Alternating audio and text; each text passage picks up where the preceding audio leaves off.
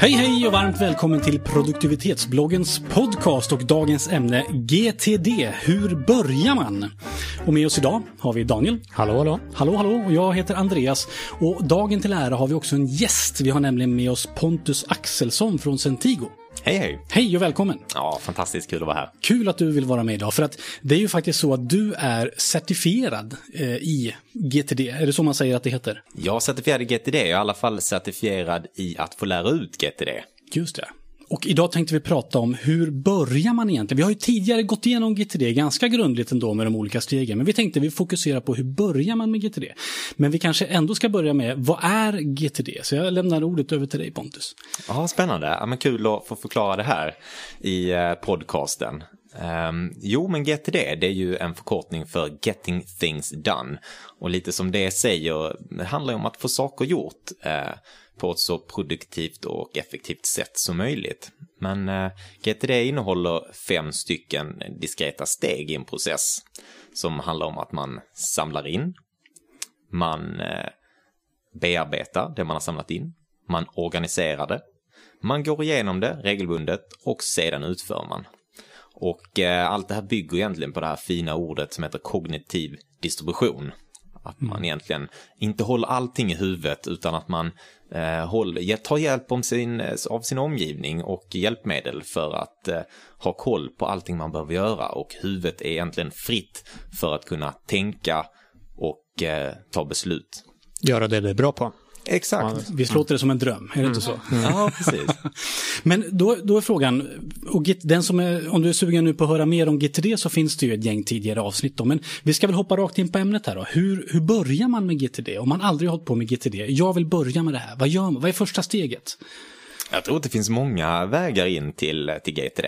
Och eh, det ska ju helst finnas en väg som passar alla som vill börja. Eh, från allra första början så tror jag att många läste boken eh, Getting Things Done eller Få det gjort som den heter i svensk översättning. Och eh, sen utifrån det har då för, ja, tolkat in den här boken och försökt tillämpa eh, systemet eller metodiken så gott man bara kan. Mm. Eh, sen så har det kommit fler och fler möjligheter att eh, lyssna på ljudböcker och olika bloggar som är där man kan gå och läsa om eh, GTD, gå GTD-skolan och så vidare. Just det. Hur började du? I vilken ände? Jag började, jag fick eh, egentligen en föreläsning av en kollega som eh, tyckte det här eh, var kanon. Och den föreläsningen, om jag minns rätt, hette Ordning och reda, tror jag den hette. Mm. och det kan man väl i och för sig säga att GTD handlar om också. Att ha lite ordning och reda just. Men där introducerades GTD för mig och några andra kollegor. Och sen så blev jag nyfiken och läste boken och mm. egentligen konsumera så mycket GTD jag bara kunde. Vad som fanns på YouTube och annat. Mm. Så det var min väg in. Och Daniel, du har hållit på med det här också ett tag? Ja, lite drygt ett år har jag, har jag kört här. Jag, jag började också med boken faktiskt. Jag läste den på en, eller egentligen så började det med att, med att många av er andra här på, på bloggen har hållit på med GT och gjorde mig inspirerad.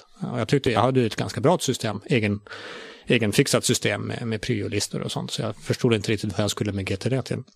Men jag läste boken på, på en semester och lyssnade på på en föreläsning av, en serie föreläsningar Det finns en, en inspelning som är i princip en hel, eller om det är två dagars tror jag, seminarium med han, eh, David Allen då, som jag lyssnade på i ungefär samma veva som jag läste boken. Mm. Och det var så jag började. Det var ju samma, så, jag läste inte boken förrän för, förra året, någonting sånt, men jag har hållit på med GTD också ett par år och lyssnade just på den föreläsningen som du pratar om.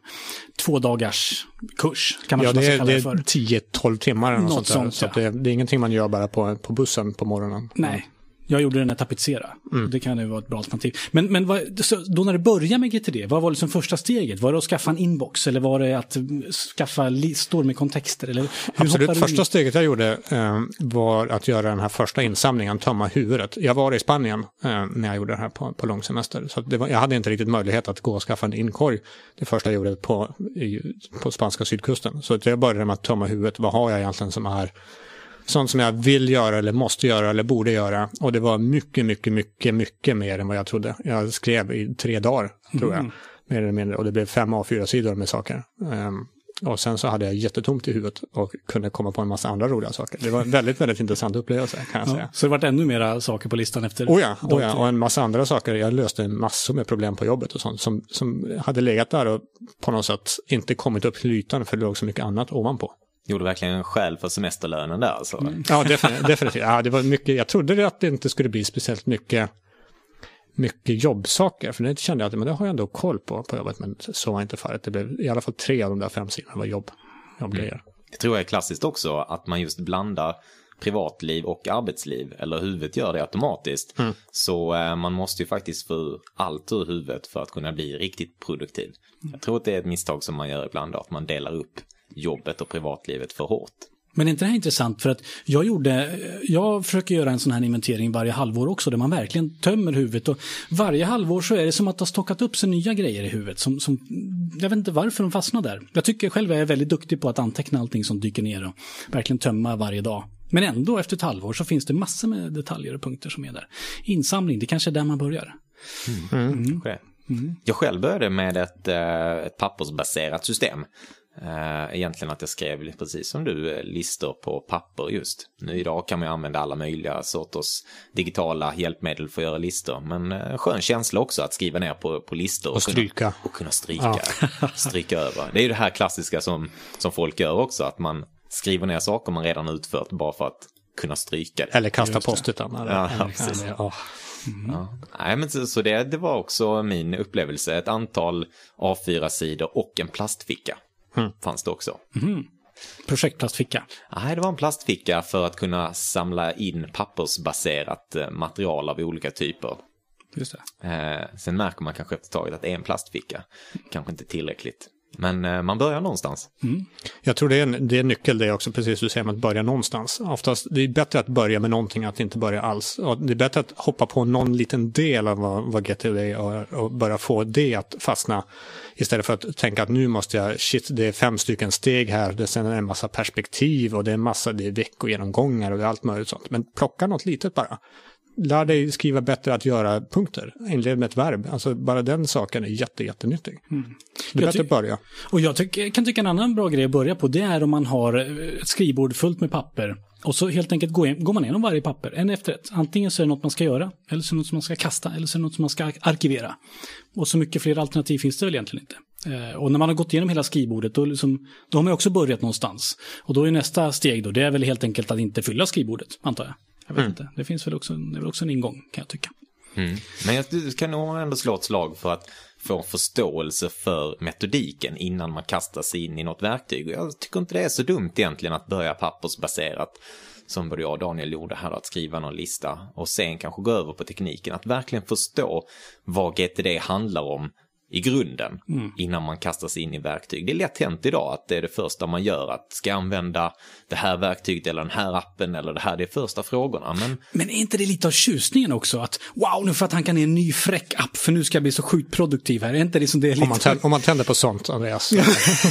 jo, men Tänk dig så här att man, man, man ska visa upp för sina kollegor, bara, kolla vad jag har tankat ner och kolla vilken ny metod jag ska börja med. Är inte det, är inte det lite av tjusningen också? Om så känner sig 10 själv procent bäst. kanske bara, men Jo, men, Eller är det jag absolut. som är konstig? Det är roligare att springa med nya joggingdojor också. Eller så, hur? så det är ju absolut, eh, det tror jag kan vara eh, om man vet att man fungerar så. Men jag tror inte att man ska tumma på att man förstår vad man håller på med i bakgrunden ändå. Och då tror jag att det finns olika sätt att verkligen förstå.